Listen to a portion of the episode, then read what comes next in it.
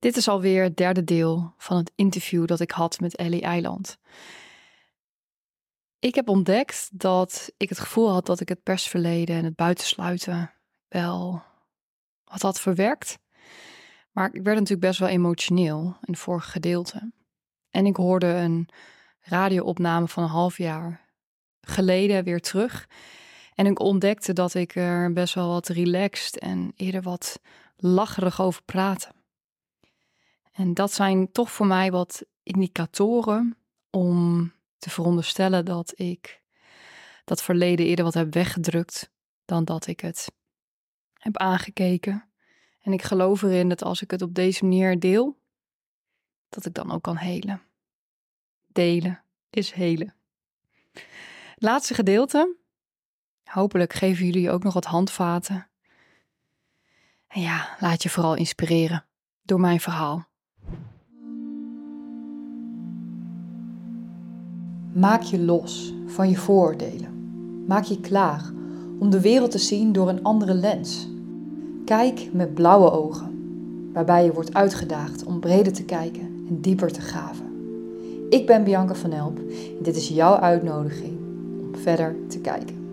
Weet je, en wat ik jou eigenlijk hoor zeggen, als we even weer teruggaan op, op het stuk wat jij benoemt, ehm, dan zie je dus dat mensen, dat je eigenlijk, hè, nu noem je dat vanuit vroeger, maar vroeger Mm. en nu, ehm, dat mensen heel veel aanhaken op bepaalde delen in zichzelf die misschien minder authentiek zijn. En daar heel erg met elkaar de dynamiek op zoeken. En nu zijn wij zelf natuurlijk ook geen uitzonderingen daarin. Nee, In de zin van, eh, we zijn zelf vaak ook geneigd. Soms dan zie je het snel bij een ander. Ja, dus heel veel mensen zien het ook niet. Die denken, oh wat leuk hoe die allemaal met elkaar omgaan. En dan denk je, oké, ik heb dat zelf ook. Dat ik echt denk, maar wat, soms denk ik wel een beetje, oh, zo'n bijna een soort toneelstukje om het maar even op die manier weg te zetten. Ja. En dat, er zit verder geen goed of fout aan. Hè. Dat, is, dat is hoe de mensen, psyche en, en het sociale brein werkt. Hè, maar wij zelf hebben dat ook. En als we dus kijken inderdaad naar dat stukje relaties. Welk deel van jou probeert die klik of voelt die klik Mm. met die ander? ja. En is dat vanuit die authenticiteit? Ja. Of is dat toch misschien toch van een kindsdeel dat denkt: hey, jij bent leuk? Ja, ik wil het niet allemaal alleen doen hier. Ja, Ja. Ik had daar het antwoord denk ik al op. Ik merk ook nu dat ik met mijn ondernemerschap en echt meer mensen om me heen, weer nieuwe mensen om me heen verzamel. Ja. Eh, maar een terechte vraag op welk deel eh, dat inklikt inderdaad. Ja. Zo. Ja. Weet je, en dat zijn allemaal dingen, en dat is Ja. precies dat hele. Want als we het hebben over dat stukje ego-dood, ons leven is te kort. Eén leven is te kort om al die delen Ja, van hun fixen. krachten ontdoen. Laten we het zo zeggen. Om, ik wil laten sterven klinkt zo, eh, hè, want de delen blijven gewoon altijd wel in ons. Ja. Alleen ze zijn gewoon niet meer actief en ze hebben gewoon een andere rol gekregen. Ja. Maar ja, een één leven is gewoon te kort om dat allemaal, hè, dat moet je ook helemaal niet willen, die ambitie. Want het zou dan meer vanuit een plek komen van ik ben pas compleet en ik ben pas gefixt. Oh ja, Als ik al die delen, dat is ook weer heel erg bewijzen en streven. dat komt uiteindelijk ook weer uit een ego-deel eh, wat, wat niet per se vanuit liefde komt. Hè? Dus het is altijd die balans zoeken bij jezelf van oké, zolang dat verlangen aanblijft van ik wil contact maken met dat diepere deel, Ja. dan weet je dat je nog daarin verder mag. Op je eigen tempo. Hè? Er worden altijd momentums gecreëerd waarin iets omhoog komt of in een korte periode waarin veel omhoog komt, waar je er dus mee kan werken. Ja. En dan is het je eigen vrije wil om te kiezen, wil ik ermee werken of hè, laat ik het gebeuren? Wat natuurlijk ook een keuze is, ook met zijn consequenties. Ja. Maar zo heeft elke keuze en niet-keuze een consequentie. En dan mag je, ben je helemaal vrij in. En ook op de manier hoe je dat gaat doen, daar ben je helemaal vrij in. Maar eigenlijk is dus één leven is te kort om dat te doen. Ja. Ehm, maar je gaat vanzelf wel merken dat hoe meer je met dat authentieke deel in contact komt, hoe gepolariseerder je leven ook gaat worden. Ja? Dat is vaak wel. Authenticiteit is niet per se bevorderlijk voor de harmonie. nee. Dat is meer aanpassen. Maar het is wel bevorderlijk voor je innerlijke harmonie. Ja, dat is een hele mooie. En dat Ja. is continu de balans opmaken van waar, waar, waar ga je voor de sociale harmonie. Hè? Want je hebt natuurlijk ook te maken met een collectief klimaat. Is het klimaat er ook klaar voor Ja. Om deze authenticiteit er te laten zijn? Want authentiek zijn is ook kwetsbaar zijn. Ja. En aan de andere kant is het ook van oké, Eh, en daar, daar, daar ben je dan zelf vrij in. eh, ja, om tot welk niveau wil je dat laten gebeuren, et cetera. Ja, ik merk bij mijzelf, als ik het over mezelf heb, dat daar een enorme drive zit. Dat Ja? ik op een gegeven moment echt, ik denk, nou, laat het maar het voorbeeld zijn. Want ik zie zoveel mensen hunkeren naar Ja. authenticiteit. Ja. Je En krijgt ook hele mooie reacties, hè? Als je ook deelt op die Ja. manier dat je dan ook Ook Nou heel ja, veel weerstand. verschillende reacties. Ja, inderdaad. mensen die nog niet toe zijn aan naar binnen kijken. En die eigenlijk nog redeneren vanuit het dierlijke deel. Ja. En ze kunnen dat, vaak zijn dat hele, ook hele intelligente mensen. Kunnen het heel mooi intelligent verwoorden. Heel mooi, ehm, ja, als een soort van gevoel van empowerment aan mij verkopen. Mm.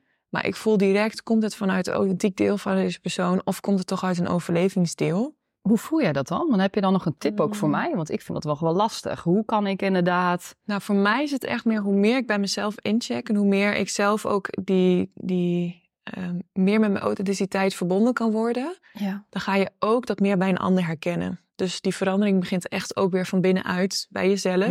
Oké. En dan ga je steeds meer dat onderscheidingsvermogen hebben. Ja. En dan ga je dat wel voelen en ook waar je dat in je lichaam voelt. Ja. En ook hoe kun je daar dan mee omgaan. Eh, kijk, ik word ook nog vaak genoeg geraakt dat ik echt denk, oh hier word ik toch onbewust toch nog een beetje geremd. Ja. En dat is dan toch weer een mooi ego-deel wat omhoog komt. Een overlevingsdeel, hè, wat je dan toch weer wat kleiner en onzichtbaar hebt. Pas je toch maar weer aan. En dat is voor mij dan toch, en nu zit ik nu op zo'n spoor, dat ik dan denk, oh bedankt. Want er is een momentum gecreëerd dat dit Ja. omhoog kwam. En nu kan ik er wat mee. Ja. En eigenlijk vaak op een gegeven moment is het, het alleen erkennen, is soms dan al voldoende. Maar Oké. wat ik nu wel merk, want ik zit er nu... Oh, gaat het toch, hè? Ja. De microfoon valt eraf. Wel, ik dacht het al. Ja. Oh, hoe krijg ik deze nou weer op? Moet ik je even helpen? Zou je willen helpen? Die moet opgeklikt worden, toch? Ja, ja. Moet ik hem zo doen? Moet ik hem erop drukken? Ja, hij moet wel een beetje aangeduwd doen. Nee, hij is een beetje eigenwijs. Dit mocht niet gezegd worden, denk ik. Zo. Ja, of juist dat je er bewust van werd Ja? dat dit gezegd moet Oké, worden. dus Misschien dat is wel een bijzonder eh, moment. Wat wil je zeggen? Mm, dat ik nu helaas, of helaas, jij feliciteerde mij, maar dat ik voor mezelf soms lastig vind dat ik me zo bewust ben van hoe iets gaat, daar, dat ik daar ook nu actie op moet ondernemen. En die actie kan betekenen dat ik nu achter ben gekomen dat normen en waarden eh, die ik heb en iemand anders toch wel erg verschillen. En dat als ik meega in die ander, dat ik dan mezelf afwijs. Dus ik, ik ben nu helaas bewust onbekwaam of bewust, bewust onbekwaam. Ja, Soort als je de intellectuele termen aan wil hangen, dan kan Ja. dat inderdaad. Ja. En bekwaam ben ik ook heel goed in. In het levenschap? Nee, ja, ik denk nog inderdaad onbekwaam in het feit dat ik nu wel heb ge... Dat ik dus wel voel van, hmm, dit, eh, dit raakt me zo erg. En ik voel me zo klein worden en oeh, ik moet mezelf dan beschermen. Ik vind het helemaal niet oké hoe je het tegen me doet. En dat ik Ja. dan denk, oké, En dan mag je inderdaad gaan kijken. Wat dan heel interessant is. Wat wij als mensen geneigd zijn, is om het buiten onszelf te gaan zoeken.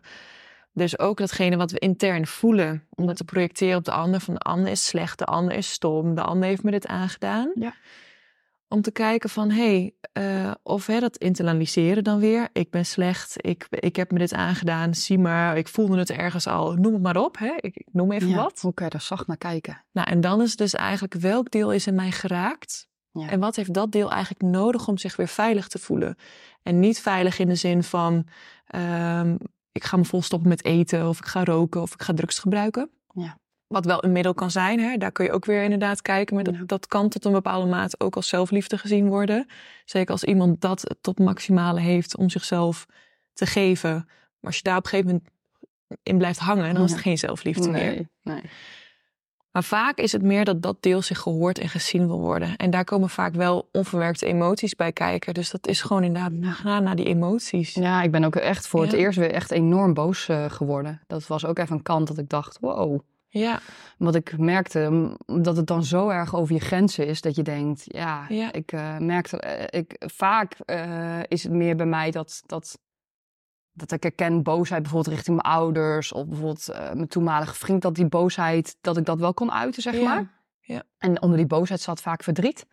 En nu merk ik inderdaad mensen die me dan een klein beetje kennen of nou ja, wel kennen, dat het dan vaak verdriet is. Maar dat ik nu een keer pff, als eerste boosheid, echt dat ik echt dacht, wow, dit is helemaal over mijn grens. Dit is echt mijn stem verheffen en echt boos.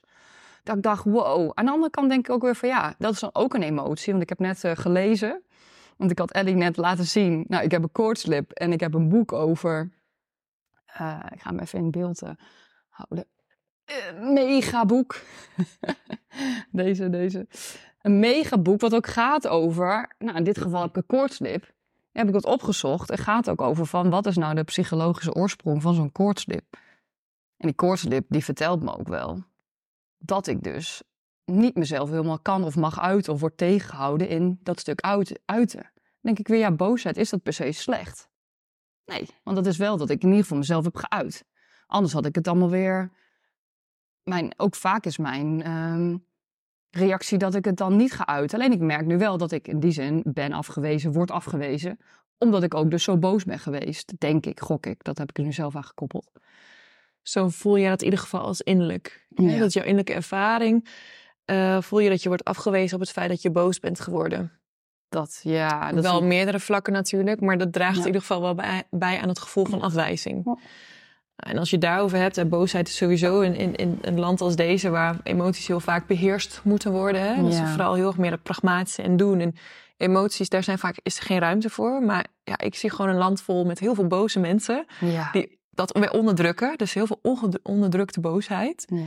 Maar boosheid gaat eigenlijk over, ehm, laat ik zeggen, het uiten van boosheid in verbinding. Dus in verbinding met jezelf. Dat je ziet van, die ander maakt mij boos. Het is mijn boosheid. In plaats van dat je boos wordt op de ander omdat die ander iets doet. Mm. Als jij boosheid echt claimt van dit is mijn boosheid.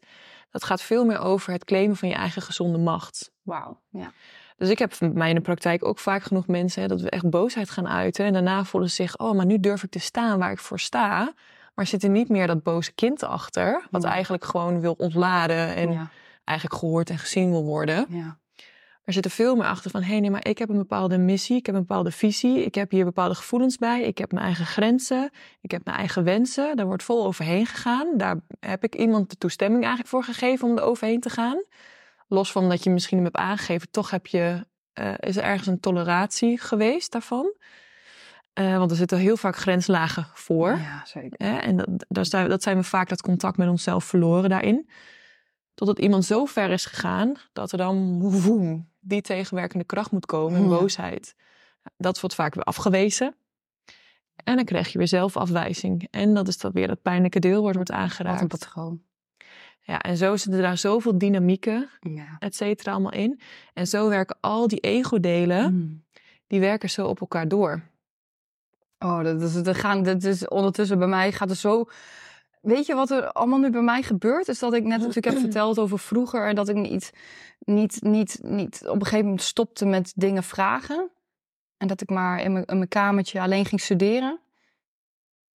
En dat ik net vertelde en toen ook een brok in mijn ke- keel kreeg over mijn stem laten horen. En dan denk ik ook, wow, ik hou me nog zo erg in. Ik noemde natuurlijk net ook LinkedIn. En ik heb natuurlijk gelukkig dit platform met blauwe ogen. Dat ik super blij ben dat ik daar al veel meer mezelf laat zien.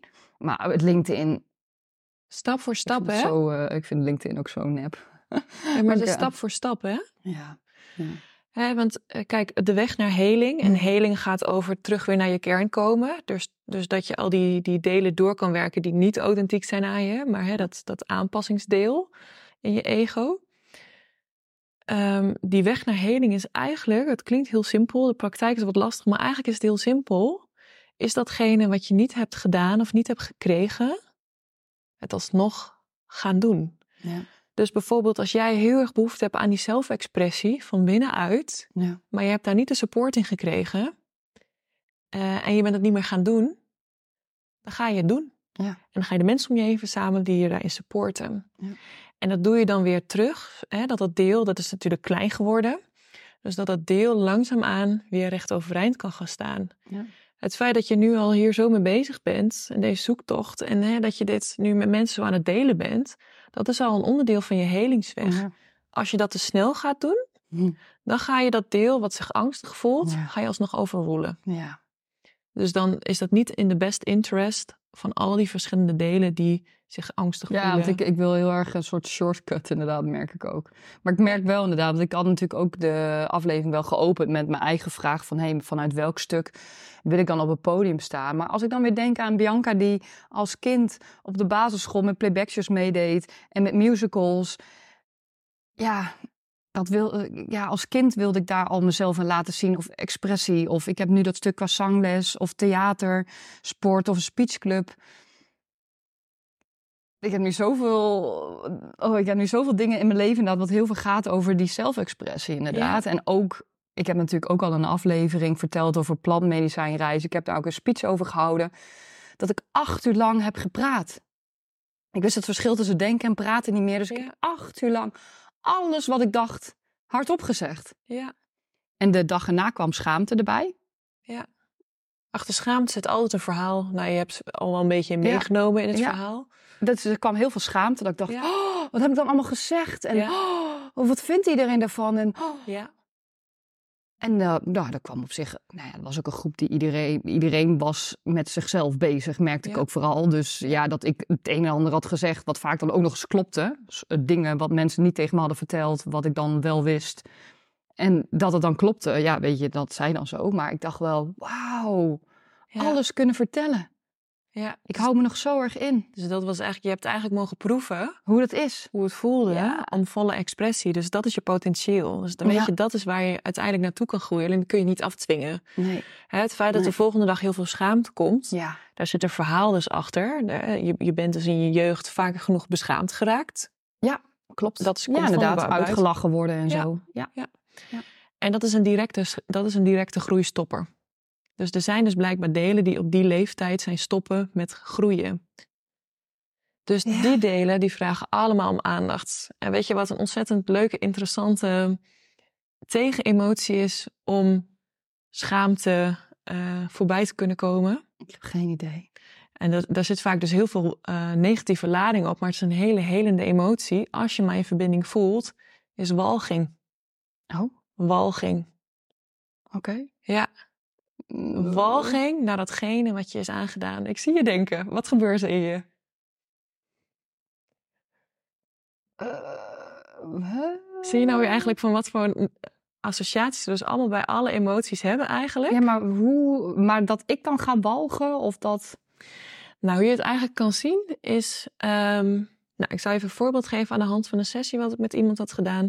Dat was een vrouw, een hele krachtige vrouw. Ook echt een, echt een leiderscapaciteit heeft ze. Eh, maar doodongelukkig van binnen. Dus heel erg in de controle zitten. Omdat zij komt uit een gezin waar gewoon echt heel veel narcisme in zat. Heel veel manipulatie. Ze werd heel voor de gek gehouden. Ze werd heel veel beschaamd. Ehm, en ze was helemaal afgesplitst geraakt van haar ehm, ja, ultieme feminine energie. Dus ze mocht niet kwetsbaar zijn. Ze kon Hmm. geen compassie voelen voor zichzelf. Ze was heel hard voor zichzelf geworden. Ze was helemaal afgespleten van haar intuïtie. Maar ze had wel dat verlangen om dat weer te voelen. Ze kon wel boosheid voelen. Dus boosheid, daar begonnen we in eerste instantie mee. Dus moest je gewoon echt ontladen worden. Ja. Toen kon ze naar haar zachtere delen heen, kon ze eindelijk die compassie voelen, maar dus ook daar tezamen mee die hele eenzaamheid die ze daar heel erg in heeft gevoeld Ja. en de leegte. En vervolgens kwam er heel veel schaamte voor weer dat ze zich zo kwetsbaar voelde, want dat is ook een beschermdeel, Ja. want die schaamte zorgt ervoor dat je wegblijft bij dat gevoel. Ja. Ga daar maar niet heen, want daar word je geraakt. Dat Ja. is gevaarlijk. Ja. Pas op. En om die schaamte weer, om die te kalmeren eigenlijk, om die om te draaien, de tegenemotie is walging uiten naar datgene wat je is aangedaan op het moment dat je eigenlijk zojuist die steun nodig Mm. had. Oké. Juist Maar op het wat, moment dat je... wat, wat, walgen? Wat, wat zeg je dan? Of wat doe je dan? Of wat... eh, Wat voelt voor die persoon?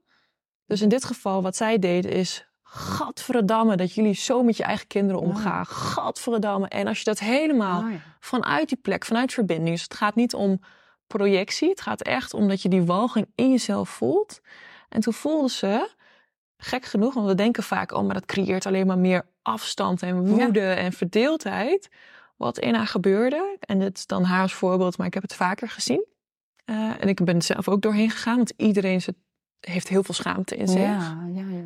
eigenlijk wat er dan gebeurt, is je kunt veel meer verbinding maken. Dus blijven houden voor die compassie in jezelf. En vanuit die compassie kun je ook automatisch compassie voelen voor de ander. Hmm. En kun je ook compassie voelen voor degene die je dit hebben aangedaan. Op het moment dat je niet in de kracht en de macht stond om ermee te kunnen handelen. Wauw. En daar gaat het uiteindelijk om. En dat is weer terugkomen naar die authentieke zelf. Ja. En zo zie je maar weer eigenlijk dat er zoveel ja, delen walging, uit... Dat, de hele emotie was ik ook vergeten. Dus Ja. dat, eh wauw. ja, met een hele waardevolle emotie. Ja, hele goeie. Maar doe je walging zonder verbinding, dan is het Ja. uitdrijven natuurlijk. Dus het gaat eigenlijk allemaal weer om die verbinding met die innerlijke kern. Want dan zit je altijd aangehakt aan een deel van compassie. En dan doe je het altijd vanuit compassie van dit, dit voel ik nou omdat er een deel in mij geheeld moet worden. In een veilige setting waar anderen niet geschaad worden. En dan kun je helen van binnenuit. Wauw. Ja, We gaan richting een afronding. dat denk ik dat dat goed is. Ja. We hebben heel veel facetten. Oh, zo. Echt, hè? Hey, als, we, als we het hier nou allemaal zo over hebben gehad, is er een ding waarvan jij nu denkt: oké, daar ben ik het meest op aangeraakt? Of dat. dat eh, Ja, voor mij... ehm, ja, ik merk wel dat het... Wat ik nu zeg maar meemaak... Dat dat natuurlijk heel erg te maken heeft met... Vroeger met eh, afwijzing... eh, uitgelachen worden, er niet bij horen. En Ja. ja, dat stuk alleen. Ja. En dus mezelf nu ook weer terugtrekken, inderdaad. Ja, Dus dat is denk ik nog iets wat ik voor mezelf nu ga onderzoeken. Van wat kan ik ook doen in plaats van me terugtrekken. Om juist wel te uiten in plaats van een koortslip te krijgen. Eh, om te kijken dat ik mezelf wel kan uiten. En ja, dat kan doorbreken. ja. Dat neem ik mee. Zo wat stap voor stap. Ja, Ja, mooi. Mag ik jou heel erg bedanken voor jouw openheid? ja. jij ook Ellie. Super goede vragen. Ik, ja. eh, ja, heel benieuwd als, eh, als ik dit zelf ook terugkijk. Dat ik denk, oh, ja. hoe vind ik dit? Maar ja, ik vond het wel echt super fijn. En ergens hoopte ik, ook, weet je, het heel, klinkt heel gek, maar ergens hoopte ik ook wel iets geraakt te worden. Of wel iets van tranen, omdat ik ook dan merk dat ik zelf ook beter in mijn lichaam. Of dat ik dan ook opener ben. Of dat ik dan wel wat meer van mezelf laat zien. Het is een essentieel onderdeel van ons mens zijn, hè, Ja. dat voelen. Dus als dat er mag zijn, dan ben je dus weer meer in contact met dat essentiële deel. In plaats van je benen te verliezen. Je benen te vergeten. Ja. Oh, Nou, gefeliciteerd met een klein stukje meer verbinding Ja, met jezelf, hè? Echt hè? Ja, Dankjewel. dankjewel. Dankjewel, Ellie. Heel tof ook. De manier dat je nu ook een keer hebt geëxperimenteerd met juist die op de bank zitten. In plaats van hè, iemand Ja, op de tafel. Dat is fijn Heel dat je leuk. dat eh, wilde uitproberen. heel leuk. Ja. Ja, en ik hoop ook dat eh, jullie als luisteraar, als kijker, eh, ja, je herkent in gewoon het menselijke deel van de verhalen van mensen. Hè? Dat het niet gaat om, ook wat ik hier vertel, dat het niet gaat om een bepaald soort beleren of wat dan ook. En dat het niet gaat om, ehm, ja, we moeten maar met z'n allen gaan huilen of gaan. Nee. eh, het gaat gewoon heel Vind je eigen manier inderdaad. Ja, vind je eigen manier, maar ook het stukje herkenning voelen in de echtheid in anderen. Dus Ja. dat het ook oké is om kwetsbaar te zijn. En, en zoek de mensen, de plekken Ja. eh, op waarbij je voelt, hier mag ik kwetsbaar zijn, want dan kun je groeien. Ja. Super oncomfortabel voor veel mensen, maar buiten je comfortzone, Ja. daar groeien. Ja. Inderdaad, zoek de omgeving die bij je past. En als je nog vragen hebt, opmerkingen, met blauweogen.nl steek ik nu het makkelijkst om naartoe te gaan. En ja, stuur ons gerust een berichtje. Nou, dankjewel voor het kijken. Dat was weer een inspirerende duik in de wereld met blauwe ogen. Vergeet niet, een open blik kan deuren openen waarvan je niet wist dat ze bestonden. Blijf ons volgen en deel jouw eigen ontdekkingen en perspectieven met ons.